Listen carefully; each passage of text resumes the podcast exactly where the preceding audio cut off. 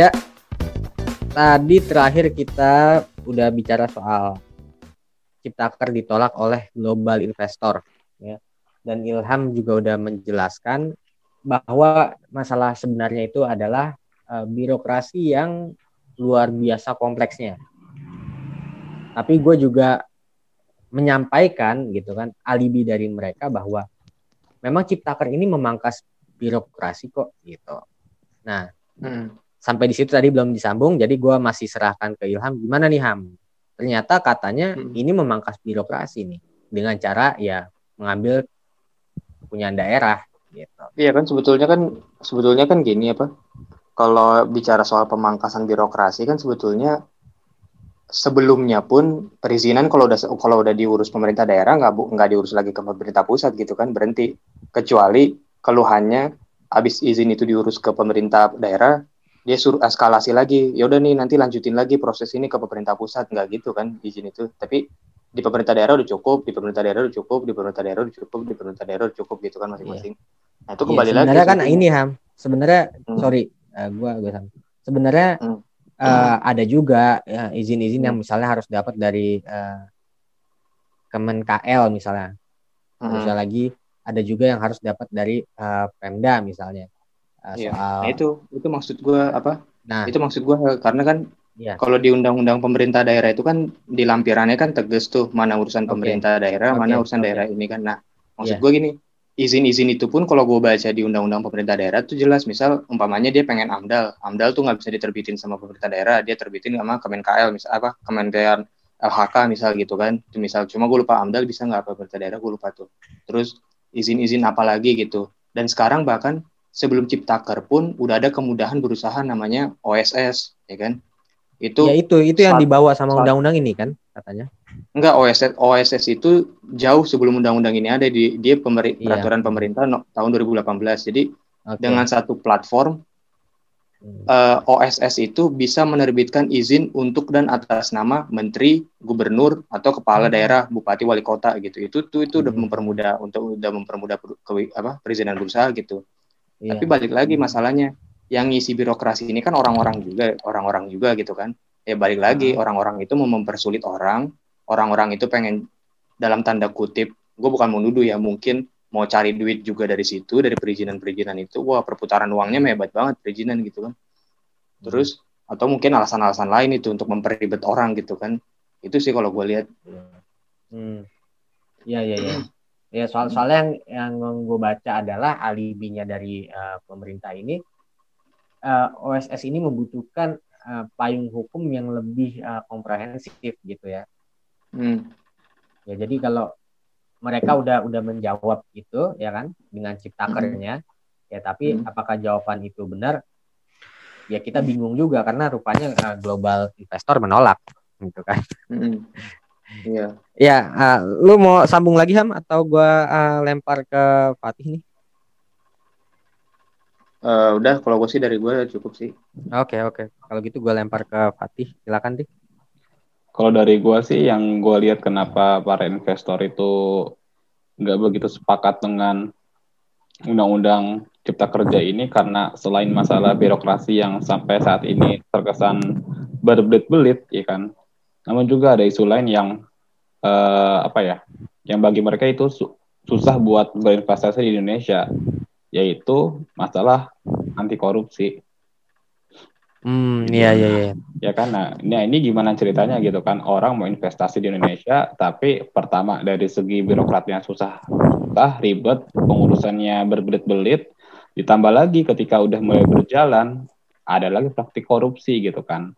Yang yang okay. yang mana awalnya para investor ini berkeinginan untuk mendulang untung, tapi karena banyaknya praktik korupsi di Indonesia, justru malah yang ada mereka rugi dan mereka malah dipelorotin sama sama oknum-oknum tertentu gitu satu hmm. itu satu yang kedua adalah uh, kan undang kan peraturan yang lagi kita yang lagi kita bahas sekarang ini kan ada di tingkat undang-undang gitu dengan tingkat ketebalan ya sampai ribuan lah sampai ribuan halaman pastinya nanti kan ada peraturan-peraturan turunan lainnya gitu Nah, iya. dari pemberitaan mm -hmm. yang gue baca-baca di media itu ada ada pemberitaan yang bilang kalau uh, nanti tuh pemerintah ketika undang-undang ini udah disahin bakal ngebut peraturan uh, pelaksananya dalam jangka waktu tiga bulan gitu. Gimana yeah. ceritanya gitu kan? Uh, klausula-klausula hukum sebanyak itu bisa uh, diejawantahkan dalam bentuk peraturan pelaksana dalam jangka waktu tiga tahun, eh dalam jangka dalam jangka waktu tiga bulan gitu kan. Pastinya kan bakal hmm. banyak banget celah hukum. Dan andai kan yeah. itu iya. terjadi, pasti investor pun bakal mikir, ah gue nggak yakin nih gitu kan invest apa invest di Indonesia orang peraturan aja kayak gini, masa ya peraturan pelaksana okay. Dikebut selama tiga bulan, pasti bakal pasti banyak celah hukum yang bakal ngerugiin gue hmm. gitu kan. Itu di lahir, hmm. itu di di luar di luar masalah birokrasi sama masalah begitu. Oke. Okay. Uh, eh, gue mau mau sambung uh, dikit ya kalau yang global investor itu kan penolakannya yang gue baca itu adalah masalahnya lingkungan kan undang-undang ini tidak sustainable terhadap lingkungan gitu uh, kalau tadi uh, soal korupsi yang disampaikan Fatih sebenarnya itu kan nggak nggak terpisahkan juga dari birokrasi ya alibinya kan gitu karena di birokrasi yang panjang itulah uh, korupsi muncul gitu nah Cuma sebenarnya yang yang menarik itu adalah uh, yang dipandang korup ini adalah pemerintah daerah sebenarnya yang dituduh gitu. jadi jadi pemerintah daerah ini sebenarnya ada ada wajarnya juga untuk untuk marah gitu. Habib soal ini gimana Bib? Uh, soal undang-undang yang katanya untuk investor tapi ditolak uh, oleh investor gimana? Se Sebenarnya gue kurang paham ya masalah investasi-investasi ini. Cuman gue uh, ini sih pandangan gue ini kan statement luar ya, statement internasional ya terhadap Indonesia yeah. uh, mengenai yeah, yeah, yeah. peraturan ini. Ya, yeah. kayaknya nggak bakal didengerin juga sih sama pemerintah kita. Ya, statement-statement luar, statement-statement internasional terhadap negara kita kayak misalkan masalah HAM, kemudian udah banyak negara yang ngeboikot Indonesia masalah corona juga nggak didengerin gitu loh. Apalagi mm -hmm. masalah ini yang yang si bapak ini udah udah kekeh banget dari tahun 2019 buat ngasain undang-undang ini gitu loh. Kalau menurut gue ya nggak nggak terlalu berdampak lah terhadap uh, apa pengesahan undang-undang ini ntar gitu. Yeah. Cuman ya gitu lah. Oke, okay. tapi kan Bib eh, salah satu yang hmm. pengen ditarik ini kan investasi dari luar Bib sebenarnya. Kan katanya gitu. Kan nggak iya. tahu uh -huh. nih investasinya yeah. investasi dari luar mana gitu kan. Oh, apa okay. dari itu yang menarik sebenarnya. Iya, apakah perusahaan-perusahaan dari luar ini perusahaan-perusahaan yang memang udah ada hubungannya sama perusahaan-perusahaan di dalam, kayak perusahaan-perusahaan yang berhubungan sama perusahaan-perusahaan uh, bapak ini ya, Pak, aduh, ya anak gue ya Bapak Luhut misalkan kan banyak tuh perusahaan-perusahaan berhubungan sama perusahaan-perusahaan luar ya nggak sih? Ya kan? Iya, ya kan, iya, iya. Ya kan kita nggak tahu kan, kita nggak oh. tahu perusahaan luar mana yang mau disasar sama undang-undang ini gitu loh. Kalau menurut yeah, gua yeah, yeah. nggak hmm. terlalu mengaruh sih karena banyak statement-statement, banyak rekomendasi-rekomendasi internasional yang diberikan ke Indonesia tapi dihiraukan begitu saja gitu. Dan iya. melihat yeah. uh, melihat apa namanya uh, sebenarnya undang-undang itu tujuannya buat siapa sih? Buat investor yang yeah. mana sih? Oke. Okay. Mm -hmm. Uh, satu lagi juga yang menarik dari Fatih itu soal Fatih kan tadi nyinggung soal korupsi kan. Ini ada juga ahli yang mengungkapkan bahwa sebenarnya itu yang yang yang mengerikan buat investor itu bukan korupsi perizinan tapi uh, korupsi kebijakan gitu jadi yang menakutkan itu bukan uh, bupati-bupati yang minta uh, recehan ke pengusaha itu kan untuk untuk mengeluarkan tanda tangan gitu untuk mengeluarkan stempel. Tapi yang mengerikan adalah uh, seperti uh, Joko Chandra misalnya seperti hmm. uh, jaksa pinangki dan sebagainya gitu yang atau penyelundupan-penyelundupan peraturan di parlemen. Itu sebenarnya yang lebih menakutkan. Ini katanya uh, Faisal Basri. Ya uh, semoga gue nggak salah ini ya gak, semoga nggak salah, salah kutip.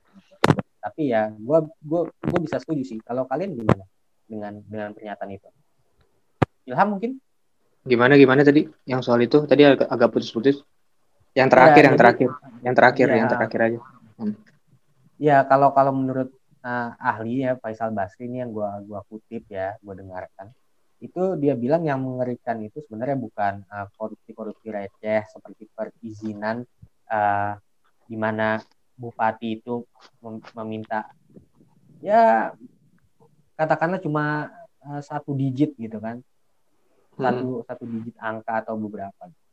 Tapi yang yeah. yang mengerikan buat mereka adalah uh, apa yang disebut korupsi kebijakan dan ini uh, levelnya di, di adanya justru di pusat seperti dalam kasus di KTP misalnya seperti hmm. dalam kasus Jiwasraya. Ini ini bukan ini digitnya bahkan kita susah ngebacanya ini angka-angka yang hmm. fantastis gitu kan. Ini yang menakutkan gitu. Sebenarnya. Hmm. ya kalau gua gua bisa uh, setuju dengan pernyataan itu. Masuk akal kalau buat gue nah, kalau menurut kalian gimana? Kalau gue sih tapi tadi mungkin gue masih belum bisa nangkap ya maksudnya korupsi kebijakan itu kayak gimana gitu maksudnya uh, ya contoh-contohnya kayak gimana gitu gue masih belum bisa ngebayangin sih. Tapi yang gue tahu ya korupsi kebijakan itu mungkin level terkecilnya gitu. Peraturan harusnya sekian misal selesai berapa hari perizinan atau mungkin uh, prosedur kayak gini tiba-tiba di lapangan nggak kayak gitu sama birokrasinya. Berarti itu namanya udah korupsi udah korupsi kebijakan juga yang berujung nanti ya korupsi yang sebagaimana udah pernah kita tahu gitu. Maksudnya nanti dia minta sangu minta apa dan segala macam kayak gitu. Hmm. ya sebenarnya sih simpelnya kayak ya ini ini pernah ini bukan sesuatu yang yang tabu ya karena pernah diungkapkan oleh uh, salah satu menteri sekarang bahwa undang-undang itu memang sering ada dim-dim pesanan gitu. Hmm. pasal-pasal pesanan dan itu yang menakutkan buat uh, para pengusaha. Mm-hmm. oh iya ya arah oh arahnya ke situ. Ya benar berpaham gua. Hmm, ya gitu. Uh, ya buat gua masuk akal memang kan. Karena ya di uh, daerah-daerah itu ya itu mah buat pengusaha buat pengusaha besar yang diharapkan berinvestasi di Indonesia itu mah receh sebenarnya. Itu mah hmm. ibaratnya cuma ngasih tip untuk waiter saja kan sebenarnya. Iya. Betul, bukan betul. berarti itu bukan berarti itu benar. Cuma hmm. itu mengatakan bahwa pangkal masalahnya bukan itu, bukan di sana. Ya itu ada yang mau uh, ngasih tanggapan nggak soal itu? Gua deh. Ya boleh silakan tuh. Uh, eh, gue sendiri sepakat dengan yang tadi dibilang Faisal Basri. Yang lebih mengerikan itu memang uh, korupsi kebijakan. Apalagi yang tadi ditambahin sama lo Hel ya tentang emang banyak eh, pasal-pasal pesanan gitu. Ini emang ada kaitannya dengan uh, politik balas budi uh, ketika mereka pencalonan diri ke menuju parlemen ya kan.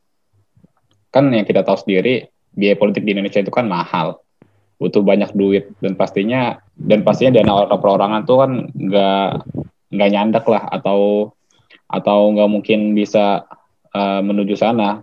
Pastinya perlu banyak duit yang mereka butuhin buat menuju parlemen. Salah satunya itu oh, okay. salah satunya itu adalah dengan minta bantuan para pengusaha dengan harapan nanti ketika mereka lolos atau mereka duduk di parlemen ya mereka bisa memesan eh, pasal-pasal uh, yang sekiranya bisa menguntungkan mereka gitu. Iya. Itu hal yang iya, iya. itu itu hal yang wajar banget dan bukan hal yang apa ya, bukan hal yang tabu lah. Gue yakin orang-orang pasti udah paham betul masalah itu. Ya akarnya adalah yaitu akarnya adalah politik di Indonesia, biaya politik di Indonesia yang lumayan mahal sehingga ya perlu banyak okay. orang dan nanti ketika mereka sudah mencapai sana tinggal balas budi gitu. Oke. Okay. Iya dan yang yang gue sampaikan tadi itu based on per, pernyataannya menteri ya sekarang ya. Mm-hmm. ya dan itu beredar di mm-hmm. di internet silakan dilihat aja gitu. Bib ada mau ya. tanggapan soal ini Bib? Ya simpelnya adalah pada kodratnya dalam tanda kutip memang orang-orang yang di bawah itu yang dikorbankan sih pemerintah daerah mungkin. wow, distopia sekali. Apa itu artinya? Ya itu mengerikan kebalikan dari utopia. Oh, iya sesuatu gitu. yang mengerikan orang-orang yang di bawah lah yang tadi korbanin. Masuk pemerintah daerah yang cuma dapat receh-recehan doang. Ya oke. okay. ya. kita lanjut kalau gitu. Hmm. sekarang uh, mungkin uh, menjelang akhir ya gue mau tanya. Yang tadi sebenarnya kita juga udah singgung dikit-dikit. Apakah perpu menjadi solusi sekarang? Kalau gue jujur gue berpendapat iya. Walaupun sebenarnya ini dalam disiplin ilmu hukum ini nggak bagus sebenarnya ketika hmm. uh, pemerintah ikut merancang undang-undang tapi di ujung-ujung pemerintah mengeluarkan perpu sebenarnya ini bukan praktik yang bagus. Tapi gue mau bilang keadaan hari ini semacam force major ya ya force major yang datangnya sebenarnya dari ulah pemerintah sendiri. Jadi kalau menurut uh, gua itu adalah uh, uh, lebih memberikan kepastian yang dibutuhkan ya untuk publik yang seharusnya hari-hari ini cukup berada di rumah ya kan uh, daripada uh, menunggu putusan Mahkamah Konstitusi. Nah, gue pengen tanya ke gue mulai dari Fatih nih sebagai uh, mitra HTN gue. Nah, untuk diketahui Adnan dia harus uh, pamit duluan ya. Jadi di sini nih yang HTN nih ada gue, ada Fatih, ada Adnan harusnya. Tapi Adnan udah cabut duluan. Jadi gue langsung ke Fatih. Silakan Tih. Oke, uh, menurut gue untuk mengatakan pemerintah akan mengeluarkan Perpu, menurut gue itu adalah suatu hal yang menunjukkan inkonsistensi mereka dalam uh, melakukan atau dalam membentuk kebijakan. Gimana ceritanya mereka yang uh, mengusulkan pembentukan undang-undang ini, namun mereka juga yang uh, membatalkannya dengan mengeluarkan peraturan perundang-undangan seperti itu. Itu satu. Yang kedua adalah uji mat uji material maupun formil di Mahkamah Konstitusi. Menurut lo itu Perpu tetap uh, bukan jadi pilihan yang yang oke? Okay? Menurut gue sih Perpu ya bukan menjadi pilihan yang oke. Okay. Karena yang uh, tadi gue sampaikan uh, gimana ceritanya pemerintah yang mengusulkan ini undang-undang tapi mereka juga yang membatalkannya gitu. Menurutku itu justru malah menunjukkan inkonsistensi mereka dan juga ya malah merusak citra nama baik partai politik yang bakal berimplikasi pada tahun 2024 menurut gue seperti itu. Uh, uh, sorry, emang partai politik masih punya nama baik? ya itu ya, apa yang kita harus lakukan 2024 ya itu biarkan masyarakat yang menilai gitu ya ya gue sebagai nah, tapi tapi maksud gue ini gue ingin menanyakan ini dari uh, sisi kepentingan publiknya Siti oke okay. hmm. uh, kalau menurut gue dari rangkaian statement yang disampaikan oleh pemimpin pemerintahan Pak Jokowi Presiden Jokowi gue rasa rencana untuk melakukan perpu bukan menjadi jawaban menurut gue dan gue tetap berpendirian proses uji material maupun formil di Mahkamah Konstitusi sebagai jawaban yang cukup bisa menjawab lah. Tinggal kita melihat bagaimana argumentasi hukum para hakim dalam menilai undang-undang ini. Ini di luar uh, konteks ya. politik ya. Ini di luar konteks politik MK dengan DPR. Iya, hmm. iya, iya, iya. Sabar, Bib, sabar. Oke, okay, sorry, sorry, sorry, sorry, sorry. Eh, sorry, sorry. Kalau Habib yang tadi gue ralat ini di luar konteks politik antara MK dengan pemerintah. Iya. Hmm. Kalau Habib udah semangat gini, gue malah tergoda untuk uh, membelakangkan wow. dia nih. Oke. Okay. Jadi abis ini gue akan lempar ke Ilham dulu.